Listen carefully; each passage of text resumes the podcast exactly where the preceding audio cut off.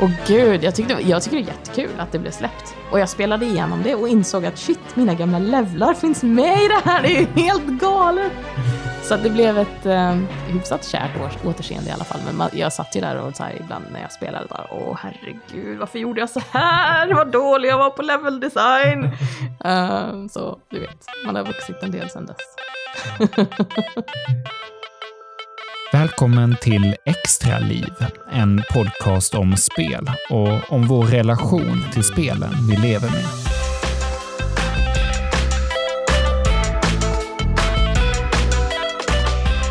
Under slutet av 90-talet jobbade Åsa Ros som level designer på UDS, som då var ett av Sveriges största spelbolag. Men eh, det spelet som hon pratar om, The Core Gang, det släpptes aldrig medan hon jobbade där. För istället blev det tydligt att det snabbt gick utför för bolaget. Jajamän, jag var med när vi inte hade något toapapper. för vi hade inte råd att köpa det. Flera år sen efter att UDS hade gått i konkurs släpptes spelet till slut och det var då Åsa fick chansen att spela sina gamla banor. Men många spel blir aldrig släppta. I det här avsnittet kommer vi få ta del av berättelser om spel som aldrig blivit klara. Och vi kommer få höra om hur det känns att något du slitit med under lång tid bara förvandlas till luft. Åsa Ros har jobbat med storspel som Just Cause och Mad Max. Men det spel jag tycker låter mest intressant är ett annat som aldrig nådde marknaden.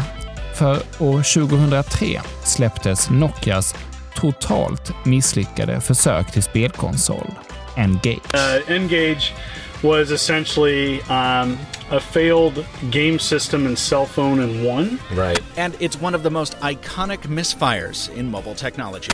Till det jobbade Åsa med ett spel som hette Habbo Islands. Spelet skulle vara en del av det sociala nätverket Habbo Hotels som var populärt ungefär samtidigt som Lunarstorm och som faktiskt fortfarande finns kvar om någon är intresserad av att kolla upp det. Tanken var att det här spelet skulle ta Habbo från webben till mobilen. Egentligen så det började med att det skulle vara ett multiplayer-spel, men det visade sig att det var alldeles för svårt med alla betalväggar och grejer. Så sen blev det ett single player-spel. Uh, och så gjorde vi det och det var ett jättefint simulationsspel där man spelade Habbu, eller Hebba tror jag de hette. Uh, och Eh, Eh, skulle rädda Habbo Islands ifrån en ekologisk katastrof. Så du åkte till en ö, blev dumpad där och så hade du en mängd verktyg som du kunde använda för att gräva eller bygga saker och sådär. Och tanken var då att du skulle se till så att eh, ett djur överlevde eller att en växt överlevde eller hindra en växt från att ta över och sådär. Så det, var, det låter jättefånigt men det var hur kul som helst. Det är faktiskt ett av de bästa spelen jag någonsin har gjort. Det var så jätteroligt. Det var väldigt mycket populus över det.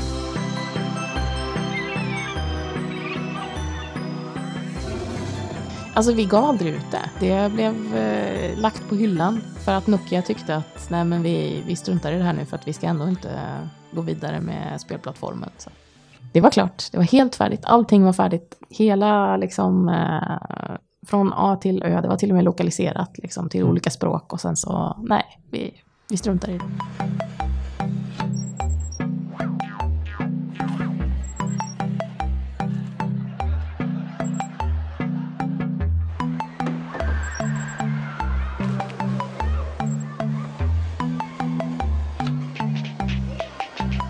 jag, får, jag, jag, jag, tänker så här att min uppgift är inte att göra någonting som jag själv kanske vill konsumera. Och det har aldrig, ända sedan jag gick min industridesignutbildning så har det aldrig varit, alltså jag har aldrig varit fokus för min egen design, om man säger så. Därför att gör du design som är av, avpassad eller avsedd för en målgrupp, då ska du tänka på målgruppen, inte på dig själv. Jag tror att det är väldigt många inom spelbranschen som inte har den inställningen om jag ska vara helt ärlig. Men det är ju liksom en del av min professionalitet. Jag gör det här för andra människor, alltså måste jag ta hänsyn till vad de andra människorna vill ha, inte bara vad jag själv vill göra. Nu har jag en väldigt tur som har hamnat på Bioware, därför att de gör spel som jag själv vill spela och därför så blir min entusiasm för spelen så otroligt mycket större också.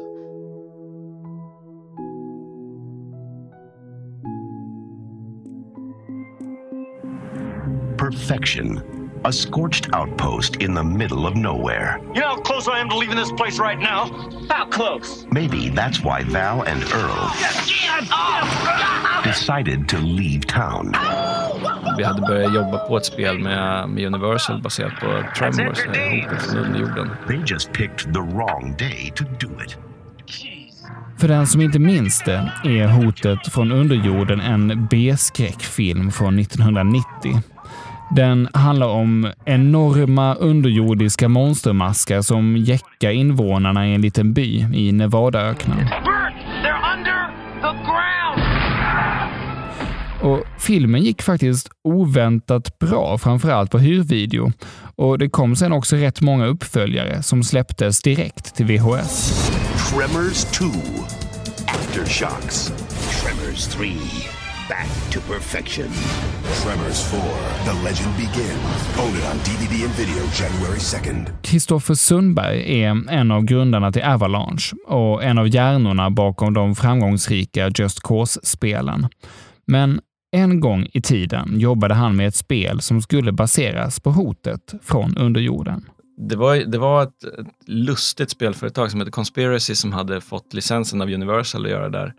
Men eh, de hade i sin tur något avtal, något licensavtal med Sci-Fi Channel som skulle göra en tv-serie. Så, att, så att det var på den vägen var det. Så det var inte så mycket baserat på filmerna utan mer på tv-serier som skulle komma ut.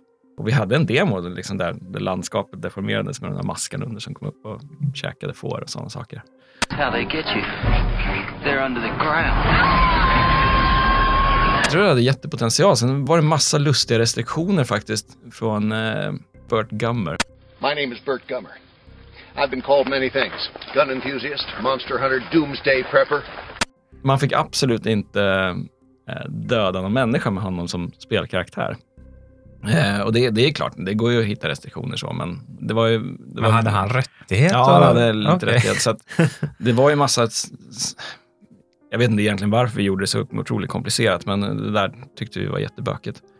Så det var en ganska lustig licens att jobba med faktiskt. Och det var, jag tror hans, han och hans familj skulle godkänna det på något vis. Så att det var...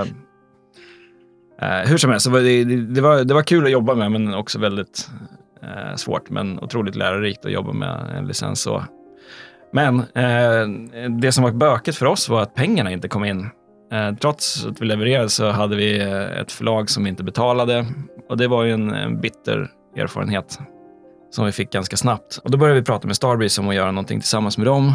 Och då hade vi ju ombildat bolaget till ett bolag som heter Rock Solid Studios eh, som såldes till Starbreeze. Sen av en massa olika anledningar så, så blev det inte den där affären av. Då, efter att vi hade jobbat med dem ganska länge så, och den här affären inte blev av och vi trodde att vi var, var på det torra igen, så, så helt plötsligt stod vi utan en krona på fickan och dessutom eh, ganska mycket skulder både till staten och till leverantörer. Eh, och då hade vi fått tillbaka allting från, från Starbreeze och satt, satt med allting i knät. Och utan, utan något avtal på eh, där Trimars. och eh, ja, det enda alternativet var ju faktiskt att sätta allting i, i konkurs för att bara sätta stopp för det, för att det, det höll på att gå helt överstyr.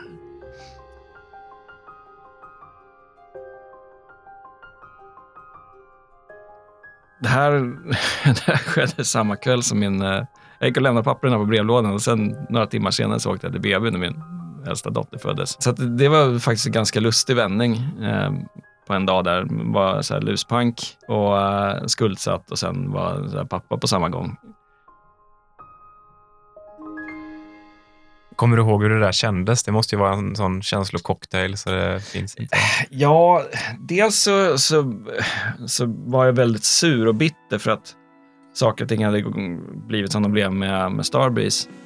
Och, eh, och väldigt så här revanschsugen, men samtidigt så var man ju desperat, eller jag var desperat att liksom kunna få, få pengar för att försörja ens familj. Så där. Och det, det är jäkligt skumt när ett, man sätter ett företag i konkurs. Så där. Det är ju... Eh, alltså det jag ångrar absolut ingenting nu att det gått igenom det där, men, men eh, just då så var det ju allt annat än roligt att ha eh, massa så här delgivningsgubbar som kommer och knackar på dörren på kvällarna. Och, samtidigt som, som en, då en tjej sitter liksom i, i sovrummet och ammar så här.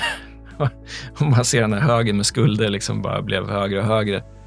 Ja, Jag kan, jag kan, kan inte tänka mig någonting som skulle vara mycket mer stressande alltså, än den eh, kombon. Ja, det var... Det var eh, och vi blev ju utkastade då av konkursförvaltaren från våra lokaler i Hjorthagen. De satte upp ett sånt här temporärt larm så att vi inte skulle komma åt lokalerna. Åh, herregud. Eh, vilket var extremt irriterande faktiskt för att vi, eh, när vi satte företaget i konkurs så sa vi att vi, eh, vi hade eventuellt en person som var beredd att gå in med lite pengar så vi kunde starta om. Så, så hela planen var när vi satte det i konkurs var ju att rekonstruera hela bolaget och, och starta om egentligen. Eh, men det här lyssnade inte den här konkursförvaltaren på, utan eh, han, eh, han ville bara sälja iväg allting till, till högstbjudande. Eh, och då fick vi inte vistas i lokalerna heller, vilket eh, satte stopp för alla möjligheter att kunna starta om från början igen och, och egentligen betala tillbaka skulderna. Eh, så att det där var ju... Det där gjorde mig fruktansvärt förbannad. Så att på, på kvällarna då när, när Ester inte kunde sova så det var ju perfekt att åka runt i bilen och få henne att sova. Men då åkte jag ut i Hjorthagen. Jag hade fortfarande kvar min nyckel. Så jag åkte ut dit och satte igång det där larmet och åkte därifrån. Då satt jag i bilen och väntade på, på att eh, de här väktarna skulle komma. Det här kostar ju eh, ja, konkursförvaltaren ja, 3-4 tusen kronor varje gång det där larmet gick igång. Så, så det var mitt... Eh, mitt stora, Hämnden. ja, så jag åkte skrattande från Hjorthagen hem till Söder. Eh, några, några kvällar i veckan. Ja, det är preskriberat nu så det... Ja, det, det är det. Eh, nej, det där var jäkligt lustig tid. Eh, och just, jag kommer ihåg, jag satt, jag hade lånat min, eh, min flickväns simkort för jag, ja, våra telefonabonnemang, de rök ganska fort. Nej, så, här, nej nu, så var det inte alls det. Jag hade ju mitt telefonabonnemang och det stängdes av eh, mitt i ett samtal. för att de stängde av de olika abonnemang som vi hade och sådär. Jag satt hemma i köket och jobbade. Men eh, jag och Linus var sådär, eh, vi, vi tyckte inte vi hade egentligen gjort något, något fel. Vårt största misstag var att vi var, eh, att vi var alldeles för naiva och litade på, på fel människor egentligen. Så vi var ju väldigt bestämda redan från första början att vi skulle starta om och starta någonting nytt. Så att det tog kanske ett par veckor med det här. Sen så, så startade vi faktiskt om eh, och döpte det här till Avalanche.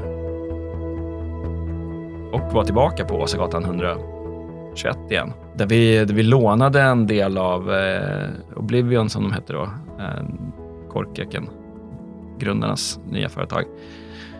Och när vi flyttade in det, det var egentligen en annan, vi, vi satt hemma, vi, vi förlorade precis allting vi hade byggt upp. Eh, så vi hade ingenting, vi hade inte Eh, datorer kvar, vi hade ingenting kvar.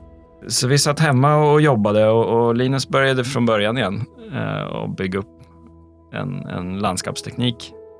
Jag började skissa på lite olika spelkoncept och, och då kom vi på ett spel som vi då hette Rico Terror in the Tropics. San Esperido. Another piece and the regime that has to be toppled. Och eh, som egentligen var ett spel som utspelade sig i Karibien eh, där man spelar en eh, före detta stuntman. Nej, inte stuntman, han var race. Eh, han- körde Nascar. Och han hade varit så vårdslös, han hade åkt i finkan för det där. Och, eh, men sen så var det någon motsvarande CIA som plockade ut honom ur fängelse för att hjälpa honom störta den här eh, diktaturen på, på den här ön som heter San Espirito. We need someone to do guerrilla work in San Espirito. Det var så Just Cause föddes. Vi hade inga möjligheter att göra någon demo eller någon film eller vi hade väldigt begränsade resurser att kunna komma ihop med konceptgrafik och sådana saker. Så att jag skrev ner den här idén på det var fyra, tre, fyra sidor. Och, eh, men sen så, så var eh, Eidos, som de hette då, var här i stan och besökte olika utvecklare och de hade ju inte fattat att Rock Solid Studios hade gått i konkurs. Annars hade de ju aldrig velat besöka oss. Men så hörde de av sig och vi hade kvar, för jag hade registrerat den webbdomänen privat, så att e-mailadresserna funkade fortfarande. Så då av en händelse så hörde jag hörde en kille som heter Dan Myers eh, av sig till mig och frågade om, eh, om Eidos kunde komma och hälsa på. Under det året som vi hade drivit eget företag så hade vi haft besök av ett förlag. Så att det var ju väldigt lustigt att efter att ha satt ett företag i konkurs så kommer, kommer andra företaget i vår historia och hälsa på. Då vi inte har kvar någonting. Ännu mindre lokaler. Liksom. Man kan ju inte gärna bjuda hem ett förlag hem till köket. Liksom, Nej, nej, nej, en skrikande unge som... som eh, ja. då så, det var då vi flyttade till, tillbaka till Åsagatan 121 och mer eller mindre stageade faktiskt ett studio.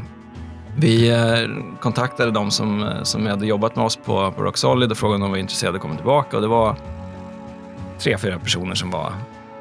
Några hade börjat plugga igen, och, eller skulle börja plugga igen och några gick på a-kassa och sådär.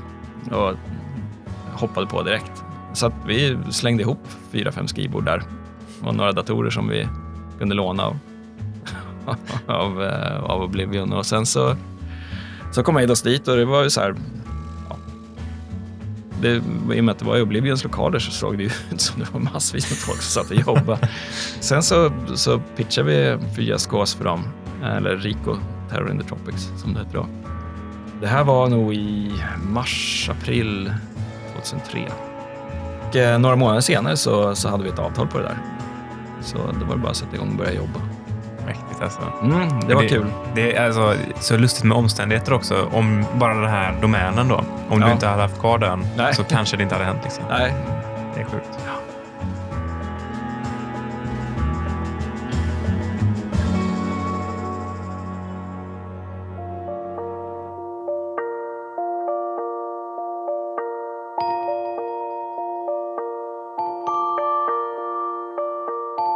Första steget var att sänka mina kostnader. jag visste att det skulle vara svårt. Ehm, jag hade läst mycket skräckhistorier om hur svårt det är att tjäna pengar på eh, som indiespelutvecklare. Så jag var beredd på det. Under arbetet med det här programmet har jag kommit på mig själv med att leka med tanken på att mitt drömspel kanske redan är gjort, men ligger bortglömd i en byrålåda någonstans och jag kommer antagligen aldrig få chansen att prova det. Och kanske är det just det här spelet vi ska höra om nu. För Martin Magni sa upp sig från jobbet och flyttade för att starta ett helt nytt liv. Målet var att kunna leva på att utveckla sina egna mobilspel. Och sedan dess har han först gjort spelet Oddbot Out och sen Mekorama. Men trots att det kan verka roligt och häftigt att få jobba heltid med sina helt egna projekt så är det utan tvekan en livsstil som också kräver sina offer. Alltså, jag sa upp alla abonnemang och ingen bil, inget gymkort, billig hyra. Ja, jag räknade ut att jag levde på ungefär 100 000 om året. Eh, så då kunde jag räkna ut att om, okej, om jag lever så billigt, då kan jag klara mig ja, i princip godtyckligt länge. Så det spelar ingen roll hur, hur lång tid det tar för mig att göra första spelet. Så jag klarar mig så länge man håller mig på den nivån. Eh, och sen satte jag mig ner och började. Så då började jag utveckla spel. Och, eh, och så läste jag en massa också hur man, hur man skulle lyckas som indiespelutvecklare. Så försökte jag följa de råden. Man skulle twittra, man skulle blogga, man skulle ha en hemsida, man skulle ta hjälp av användarna för att, för att eh, få feedback och sådär. Inget av det funkade. Twitter var ju helt dött. Det var ingen som brydde sig om vad jag skrev där. Eh, och min blogg, ja det var väl några före detta kollegor som läste den. Och ja, hemsidan, det tog ju bara upp tid att jag skulle hålla på med en hemsida. Det var ingen som tittade på den. Det enda som funkade var ju att utveckla spel. Det kommer ju framåt. Eh, men, men även det skapade lite problem för att efter att jag hade gjort en prototyp av mitt första spel, det tog väl sex månader kanske. Då kom jag på att jag ville ändra det i grunden. Jag gjorde lite speltestning och insåg att den här idén kommer inte riktigt funka som jag tänkt mig. Men om jag vänder på det så kan jag få det funka. Så jag skrotade allt jag hade gjort och började om från början. Vilket hade som effekt att de som faktiskt läste min blogg blev upprörda. De tyckte, men varför ska du slänga bort allting du har gjort? Så ja, de få som läste bloggen,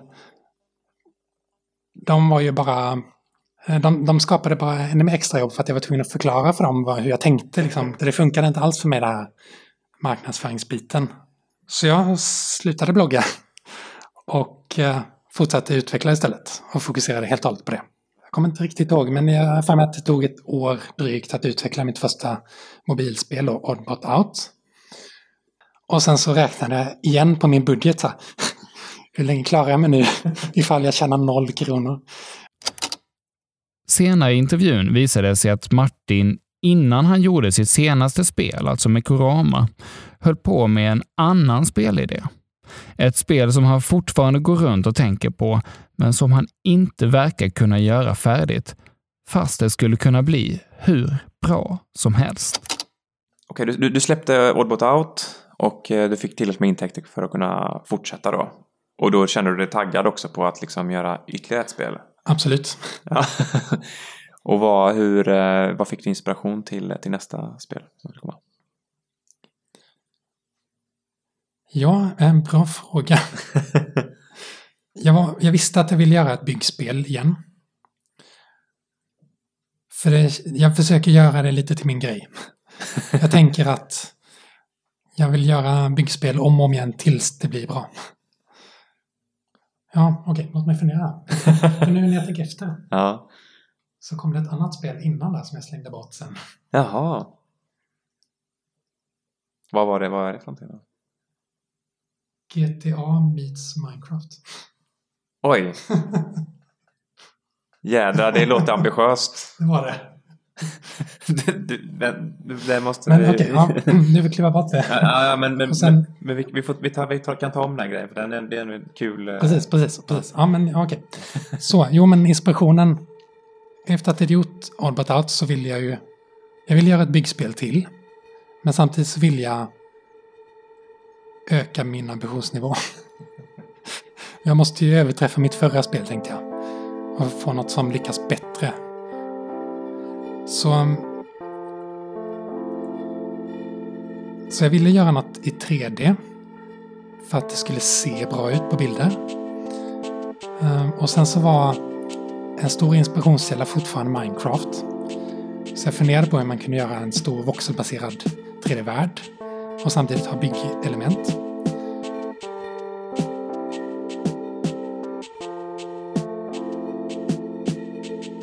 Och en annan inspirationskälla var att jag spelade Grand Theft Auto. Och de har ju också en, en sandbox-miljö där du kan göra lite vad som helst. Men de har inget av den här byggmekaniken. Så jag fick den galna idén att jag skulle kombinera Minecraft och GTA.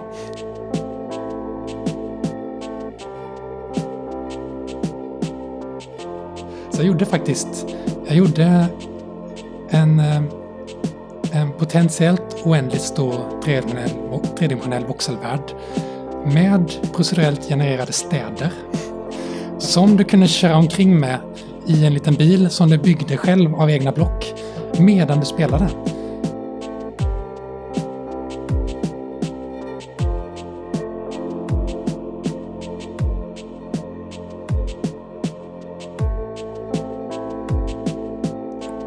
Tanken var att du skulle eh, du skulle börja från scratch, du skulle börja från gatan verkligen. Så du blev bara inslängd i en slumpmässigt genererad stad. Och så gick du omkring där utan pengar, utan någonting. Och så hittar du en tomburk på marken. Så kan du plocka upp den och sen kan du gå och panta den. Då tjänar du en krona.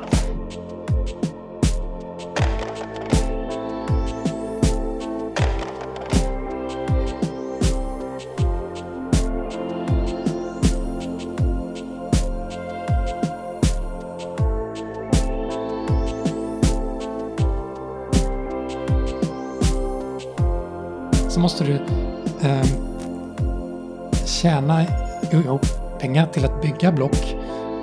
Eh, eller till, till block som du kan bygga saker av. Så du kan tjäna ihop byggklossar som du kan bygga en liten taxibil av till exempel.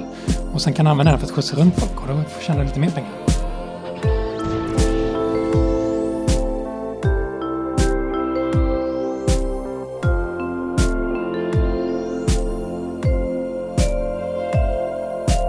Och då kan du bygga en lastbil och då kan du kanske frakta, eh, större gods så tjänar du lite mer pengar.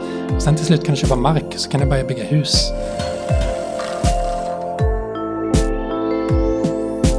Och bygga fabriker etc.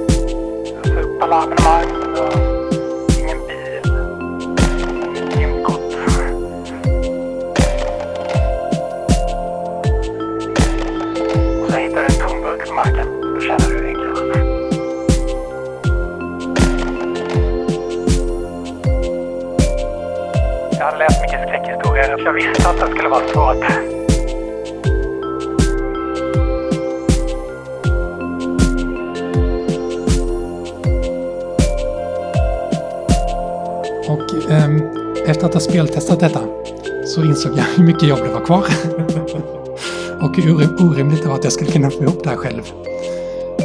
Men då... Det är det, men som sagt. Ja. Ja, så den idén finns kvar, men eh, den ligger också på is nu.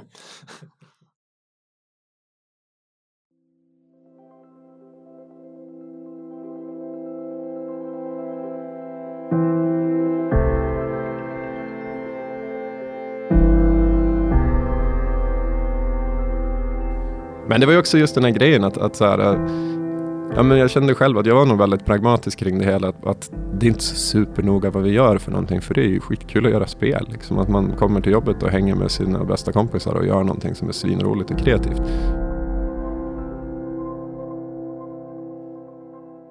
Svenska Coldwood Interactive är på senare år mest kända för spelet Unravel.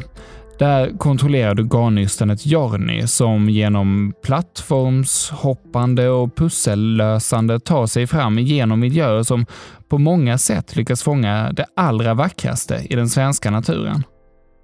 Men vägen till succén var långt ifrån självklar. I flera år hade företaget gjort ett antal mindre inspirerande betalningsjobb och plötsligt har de inga jobb alls när beskedet från beställaren kommer om att spelet de jobbar med ska läggas ner. Ja, det blev nedlagt helt enkelt. Sådär, Sådär som det händer. Liksom. Spelindustrin är lite flyktig på det viset. Att det är, ena dagen har man jobb och andra dagen har man det inte. Men Får du reda på det så här att ja, tyvärr så måste vi, men du är väl hjärtligt välkommen tillbaka om vi får in ett nytt projekt eller vad, hur går det till? Ja, nej, alltså det var, det var som så här att, att bara helt enkelt att ehm, ja, det kändes väl som att det var på gång lite grann och sen så fick vi då reda på att så här, ja, det här förläggaren vill inte fortsätta jobba med det här. Det är nedlagt så därför måste vi varsla alla om, om uppsägning. Tungt alltså? Ja, fast samtidigt, alltså det, det konstiga med det var att det kändes inte så tungt. För att med all crunch som vi har gjort och allt sånt där så kände jag som att så här, ja men det är väl okej då. Det, det är inte hela världen.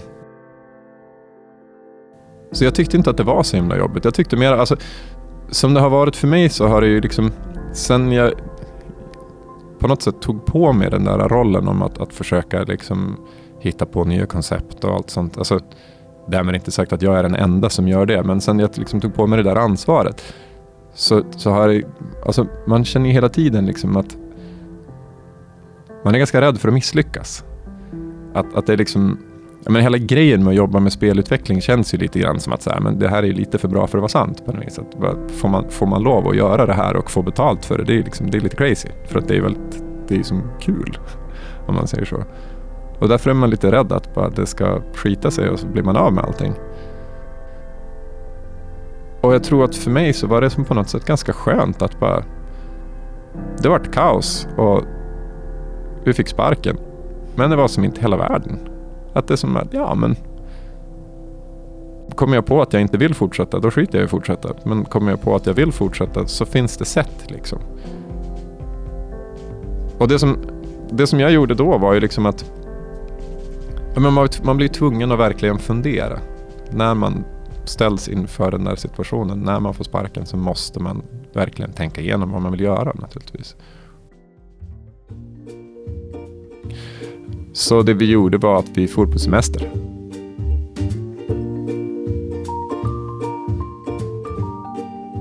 För att ja, ta ut den sista semestern vi hade. Och sen så var det väl som att ja, det var väl ingen som egentligen tänkte att vi skulle ha ett jobb att komma tillbaka till efter.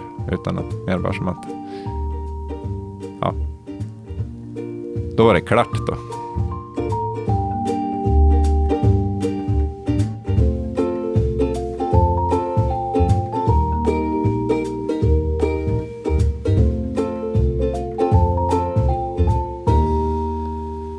Ja, men jag får ut på semester. Och ja, men det fanns ett frö till den här idén innan. Jag hade skrivit ner någonting som hastigast innan. Bara om att den, all, den allra första lilla så här, gnistan av inspiration kom från en låttext faktiskt. Eh, en vän sjöng en låt på en fest en gång. Och så var det bara en, en, jag satt och skrev lite i den och sen så var det typ en textrad som dök upp i huvudet som, ja, men, som handlar om att nystas upp ju längre man kommer ifrån det man älskar. Liksom. Och tänkte att det där är ju ett spel. Det är ju en spelkaraktär.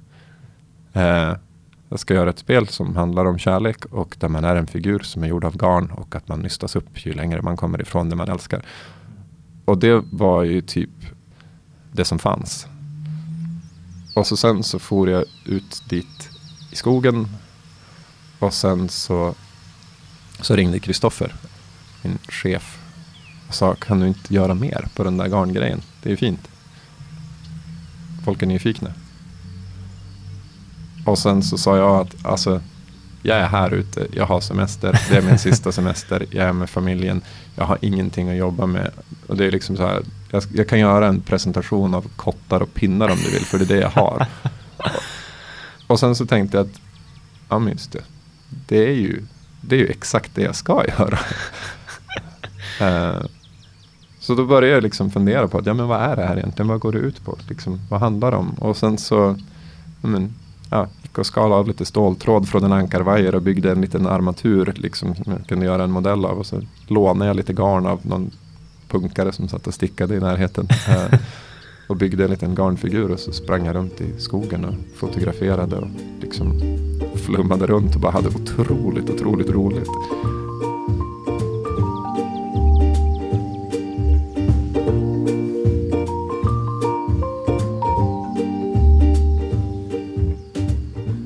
Ja men du vet den här grejen, alltså som, som sagt att vi hade fått sparken och det var liksom bara jag behöver egentligen inte bry mig om vad, vad någon tycker och tänker. Och sånt där, utan man kan bara följa inspiration. Man kan bara följa hjärtat liksom och göra som man vill. Och det var, det var liksom ja, det var superskönt att bara, det är bara magkänsla. Att, att liksom, ja, men jag tror att så här ska den se ut. Jag tror att så här ska vi göra. Och du såg, du såg redan då framför dig att det här är miljön liksom, som den här karaktären ska befinna sig i. Ja, men för det var lite så att man börjar se sig omkring och så ser man plötsligt små pussel överallt. Att man tänker typ att man är så här liten så blir den här saken jätteintressant att försöka ta sig över. Att man kan Mm. hissa någonting här, man kan knyta någonting här. Kan... Så att liksom hela skillsetet i spelet blev väl till på det viset egentligen av att jag höll på att bara, ja, men, leka med den där dockan och se vad man egentligen kunde göra. Att man liksom, ja, men jag kan bygga små broar och så kan jag gå på dem som en balansgång. Så kanske jag kan vara så här om jag drar i dem så här som en liten bågsträng. Kan skjuta iväg karaktären. Det är lite roligt. Och liksom, ja men kasta lass och sådana där saker. Så att, ja men bara helt enkelt leka och flumma. Och det, när man tittar på de där första bilderna och så ser man hur fint det ser ut när man går omkring där i miljön. Så tänker man, ja men det här är ju gjutet. Det är exakt så här miljön ska vara också. Det är de här, plats, det är de här platserna man ska vara på. Liksom. Det ska vara liksom våra bästa ställen på något vis. Så det är gjort med otroligt mycket kärlek. Och det var väl det som jag tror var ganska kul. Att när vi sen liksom visade upp den där pitchen. Så hajade alla det på en gång. Att, att, att det gick ganska fort att, att få osparken igen. För att när man, när man liksom, ja men när folk såg det där så tror jag att de flesta bara liksom insåg att det här är ju faktiskt en, en riktigt bra grej. Jag kan ju bara gå till mig själv, men jag vet att jag smälte alltså, när jag såg trailern. Det var otroligt. Men var det, var det lätt att få med även de andra på Coldwood? Jo men det var det också. Just, just för att ja, men det var en ganska medveten tanke det där. Att, att liksom, jag hade haft ganska många år av att bara inte ha roligt på jobbet. På något vis. Alltså det är klart att man har roligt med vissa saker. Men att, att jag kände att det vi jobbade med var inte. Alltså, projekten var inte så himla kul. Så att jag ville göra någonting. Men jag ville liksom hitta på saker som gjorde att det blev kul. Så sådana där grejer med att, ja, men som att vi har varit ute i skogen och tagit tusentals referensbilder. Sånt var ju svinroligt att göra. Det var också ganska det var ju meningen att det skulle vara kul också att bara packa in lite folk i en bil och dra ut och ligga i mossan och fota lingonris och typ så här snacka svampar med varandra. Det, det var ju som, ja men jag, jag vet inte, jag tycker ju Coldwood är ju ett företag som består av vänner. Liksom. Att vi gör ganska mycket ihop och har ganska trevligt tillsammans. Liksom. Så därför så ville jag ju som att på något vis att arbetsprocessen med spelet skulle handla om det och innehålla det. Känns som att det är ganska ovanligt att ett spelföretag och friluftsliv knyts samman. Jo, ja det är väl. Alltså jag hade önskat att det skulle ha varit mer av den biten bara. Och det är väl det som jag tycker att, att, att så här, ja, det, det, går ju alltid att göra bättre på något vis. Och jag tänker väl det i framtiden också. Att bara så här, det är en sån där sak för alla att komma ihåg på något vis. Att bara, när man sitter och fastnar i att skriva listor och allt möjligt sånt så kan man ju också bara så här, men planera att det ska vara kul också. För att vi gör spel. Liksom. Det ska vara roligt. Mm. Jag vet att du har sagt att uh, det finns redan spel som distraktion. Finns det vä väldigt mycket liksom. Men att du saknar lite grann, eller du tycker det borde göras fler spel som har en mening. När blir det, övergår det från distraktion till mening? Ja, det är väl, det är väl lite grann min så här eh, holy grail där, att någon skulle sudda ut den gränsen helt och hållet och göra ett spel som både var det fantastiska hookiga tidsfördrivet och faktiskt meningsfullt på något sätt.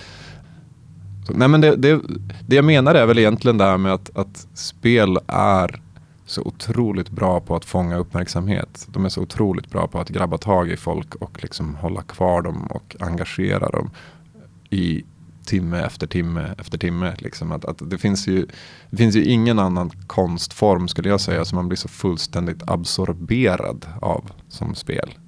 Man är djupt inne i upplevelsen på något vis. Och just av den anledningen så tycker jag att det känns bara så här, men gud vilken bortkastad grej att man inte försöker göra mer av det. Att när man nu har någons fulla, fulla uppmärksamhet då borde man inte nöja sig med att man har det. Utan man borde faktiskt försöka använda den till någonting. Att liksom, till att lära folk någonting. Eller till att bara ge dem någonting som är mer betydelsefullt än att man tog några sekunder av deras liv.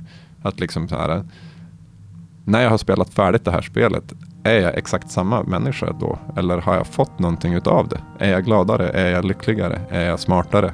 Eller mer respektfull? Eller vad, vad det nu må vara för någonting. Men att, att liksom använd den där hooken till att faktiskt göra någon slags nytta på något vis. Att vara lite, vara lite pedagogisk eller vara lite schysst, snäll, trevlig. Sådana saker.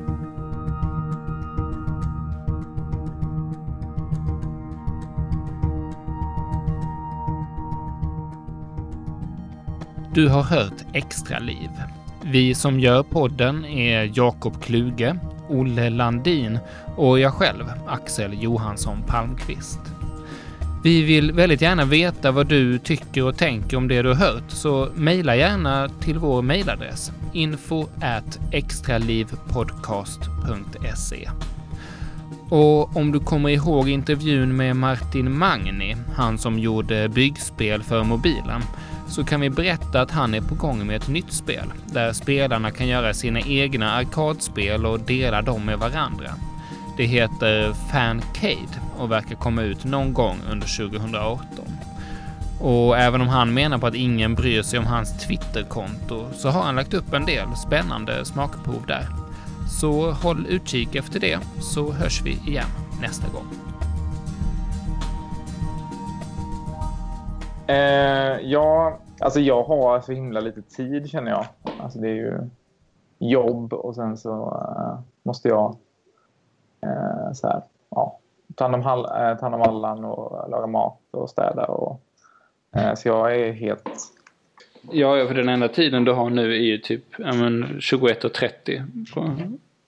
Man är inte jättesugen Ja, på att sätta sig ner och börja klippa då liksom. Nej, nej precis. Och eh, nu har jag ju nytt jobb och sådär så det, det är liksom mycket att sätta sig in i och, och är rätt slut när jag kommer hem. Eh, Men, men jag känner också lite grann som du också att på sikt om vi ska kunna ha någon så kontinuerlig utgivning av det här, göra fler grejer, då behövs det ju att jag ska kunna gå ner i, i arbetstid för det liksom, alltså från mitt andra jobb. mm, Um, precis. och då måste vi ju få in pengar på det här. Så det var ju därför. Ja. Det var ju, var ju, det var ju en anledning till att jag satte upp Patreon-kontot liksom. Men eh, någonting vi också pratade om, jag och Olle, det var ju om man släpper de här fyra avsnitten nu som en sorts minisäsong liksom. Ja. Och lyckas vi få spridning på dem, då kan vi också sen försöka höra av oss till sponsorer eller något annat också. Och om det blir så att vi får någon typ av, eh, ja att det går runt ekonomiskt, så skulle man ju kunna gå ner i tjänst bara eh, under en tidsperiod liksom medan vi gör fler avsnitt eller sådär. Ja, nej, men det vore ju grymt verkligen. Eh, Precis, men då kan vi måste ju fundera på hur vi ska göra för att få spridning också. Mm. Ja, jag eh, har väldigt lite kunskap om så här, hur man marknadsför eh, produkter. Det vet väl Olle kanske mer? Jo, absolut. Men det är ju det är också svårt, tycker jag, det här med... För jag antar att det, det bästa är väl om man liksom... Man får gå ut och säga någonting i podden. Och så är det ju i vissa poddar att man... Eh, ja, men man säger det här att ja, men det tar tid att göra detta. Så om ni gillar det så... Eh, så skulle det behövas liksom att eh, folk donerar pengar så att vi kan göra fler avsnitt. Men då ska man ju säga det på ett sätt också som gör att de... Eh, ja, att det känns eh, på riktigt för dem. Liksom. Jag vet inte hur man ska formulera det sådär. Mm. Eh, ska vi skriva ner det här kanske? Eller men vi kan ju skapa något sånt dokument liksom, med idéer till Patreon. Absolut.